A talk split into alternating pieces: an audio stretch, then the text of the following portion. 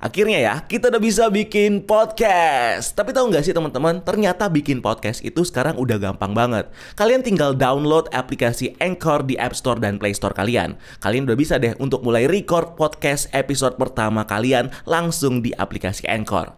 Bahkan kalian juga bisa edit podcast kalian langsung loh. Di aplikasi Anchor, podcast kamu bakal didistribusikan ke podcast streaming platform seperti Spotify, Apple Podcast, dan masih banyak lagi. Dan yang pasti, gratis. So you download aplikasi Anchor di App Store dan Play Store kalian atau kunjungi www.anchor.fm. Selamat bikin podcast. Hey Screw, setelah sebelumnya kita udah ngebahas ending dari film Eternal, sesuai janji kita kali ini kita bakal ngebahas post credit scene-nya yang akhirnya nge-reveal kita si karakter adiknya Thanos, Eros. Udah bukan spoiler lagi lah ya. Tapi kalau kalian belum nonton, ada baiknya kalian nonton dulu filmnya, mumpung masih ada di bioskop. Gak usah lama-lama lagi, bareng gue Rian, kita bahas post credit scene Eternals.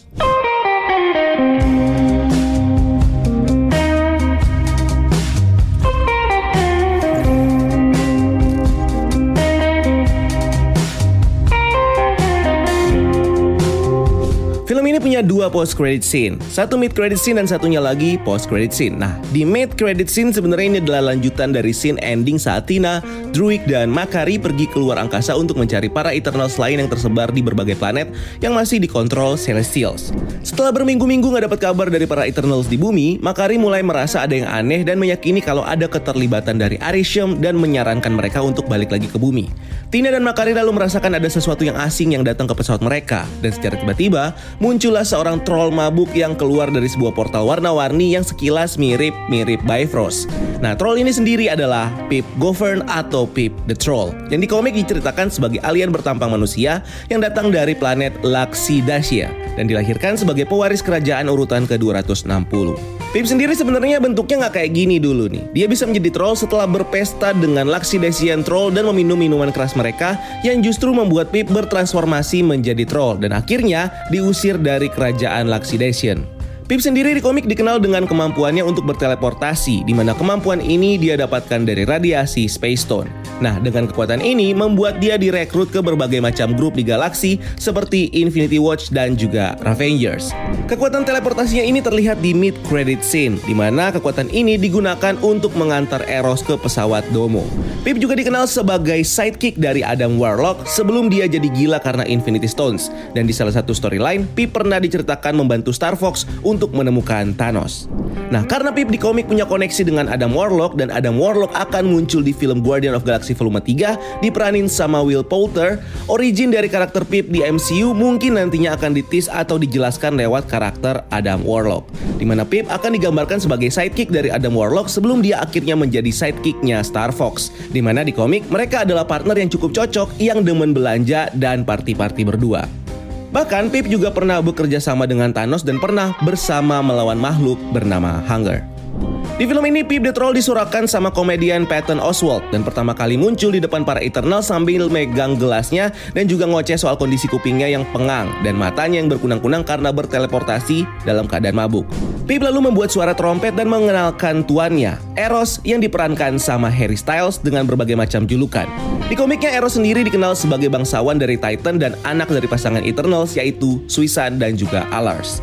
Ibunya Suisan tewas ketika Thanos pertama kali menyerang Titan. Nah, di dalam perang di planet Titan, Eros bersama dengan pejuang yang tersisa di Titan berusaha melawan Thanos dan juga sempat memberikan kekalahan yang cukup besar bagi Thanos.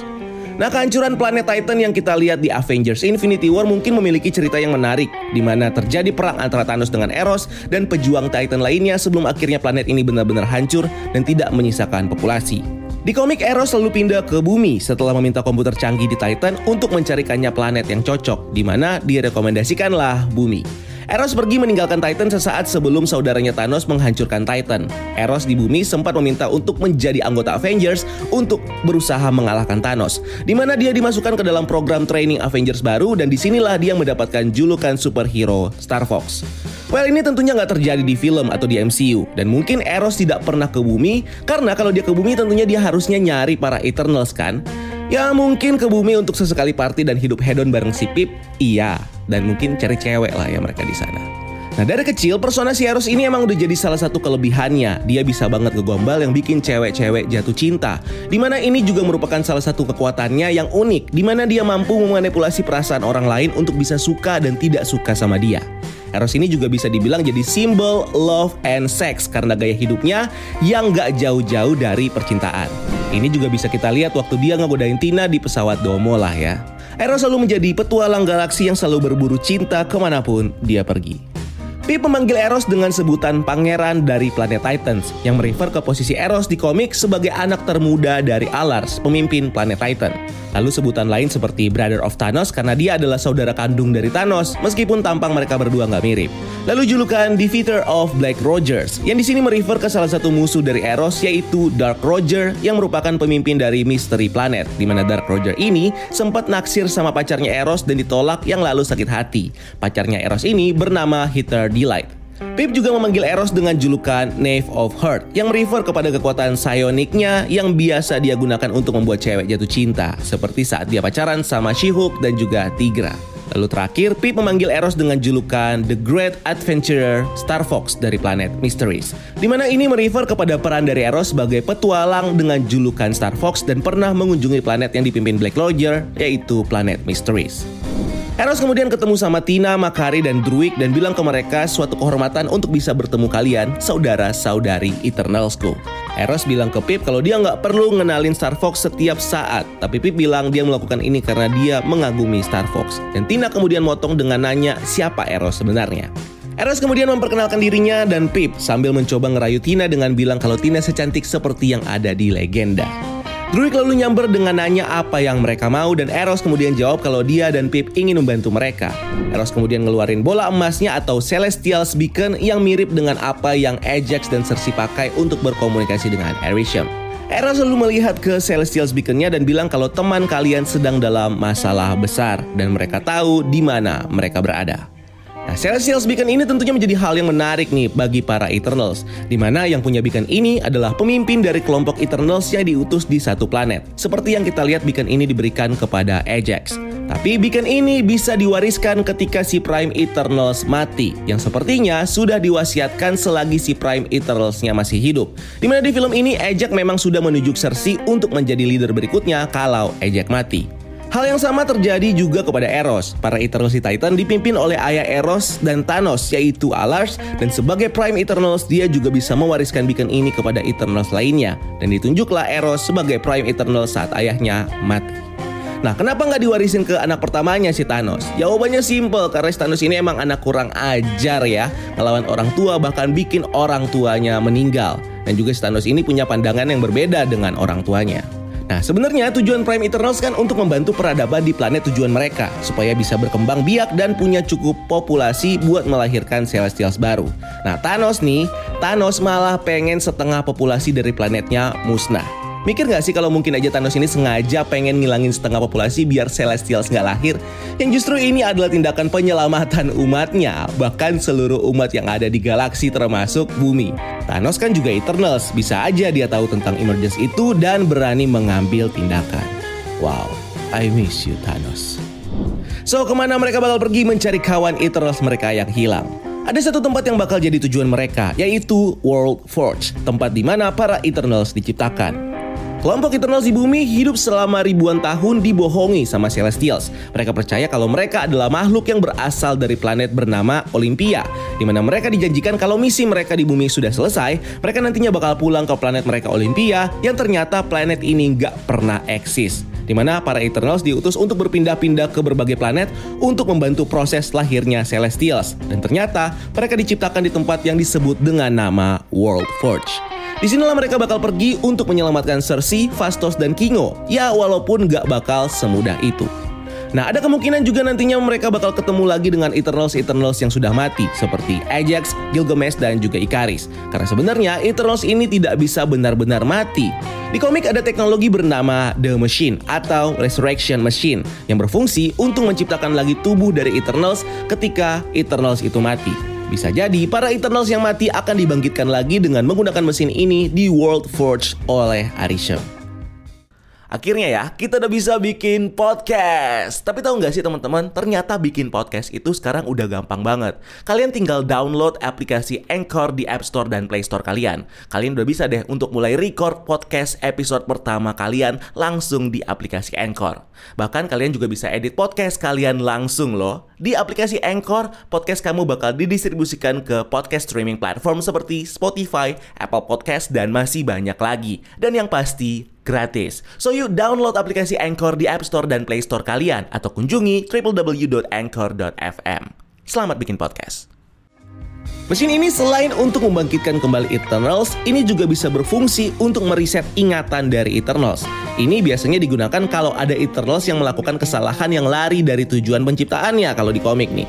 Nah, bisa jadi para Eternals yang dianggap Arisha menyalahi aturan ini akan direset ingatannya supaya bisa kembali lagi ke tujuan awal penciptaan mereka. Tapi di ending film ini, Arisha mengatakan akan melihat memori para Eternals ini untuk mengetahui apakah manusia dan bumi layak untuk diselamatkan.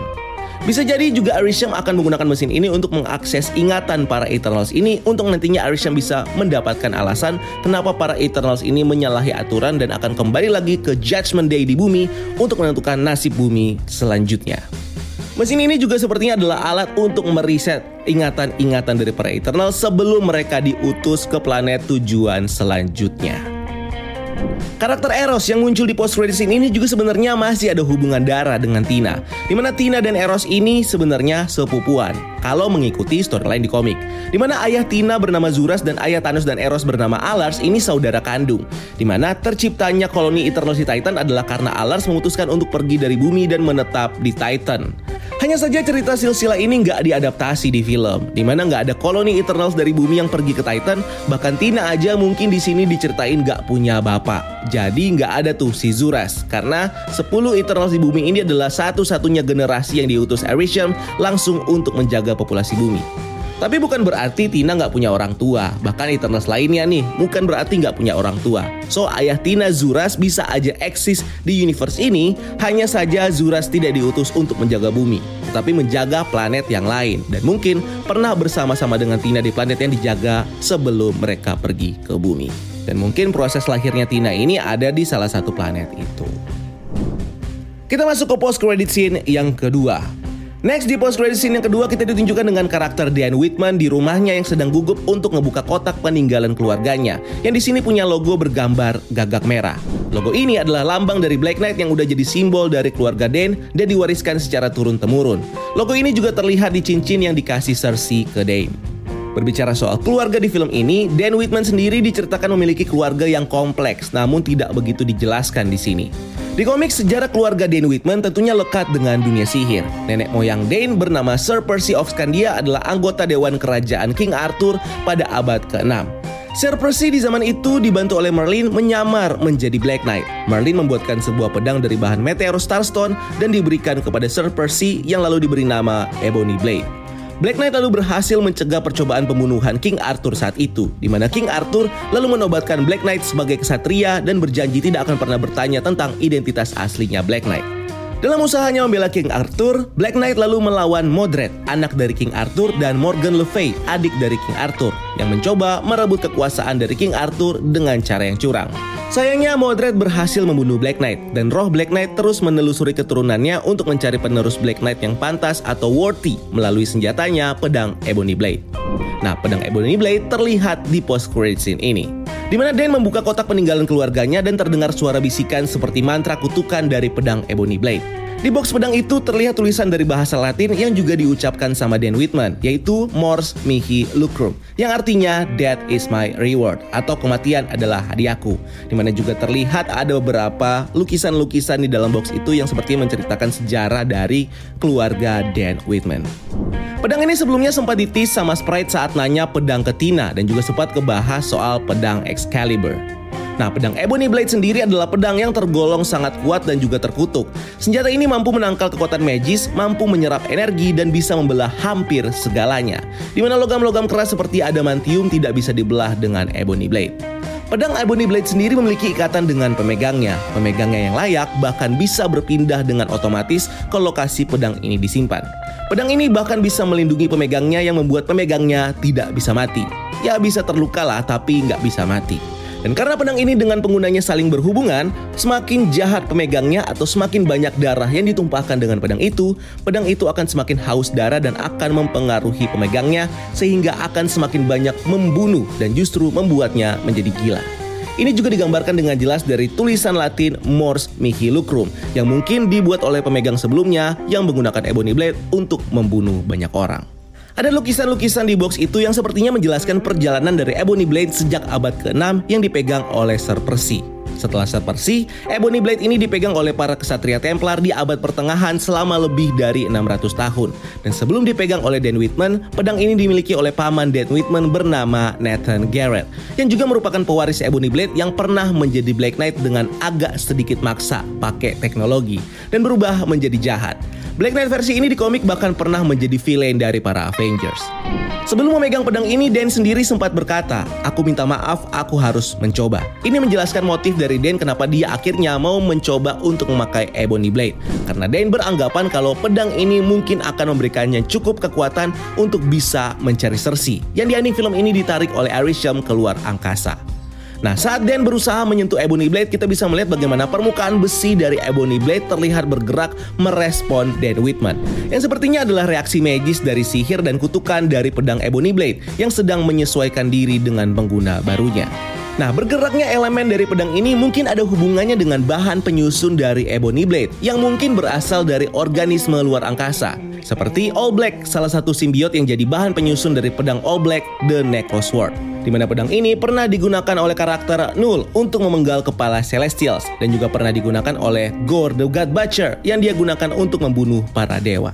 Nah, dengan Marvel yang banyak mengubah cerita dari entity dan karakter MCU yang berbeda yang digabung-gabungkan dengan karakter atau entity lain, backstory dari pedang All Necro Sword ini bukan tidak mungkin bisa aja di mix dengan pedang Ebony Blade di mana asal-usul dari pedang Ebony Blade mungkin akan diceritakan berasal dari organisme luar angkasa dan sihir yang bahkan bisa digunakan untuk membunuh dewa bahkan para Celestials.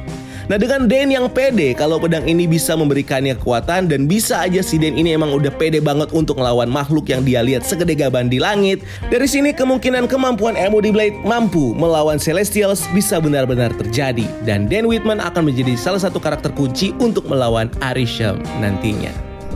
Di post credit scene ini kita juga bisa mendengar suara misterius yang bilang ke Dane, apakah kamu sudah siap dengan hal itu, Mr. Whitman?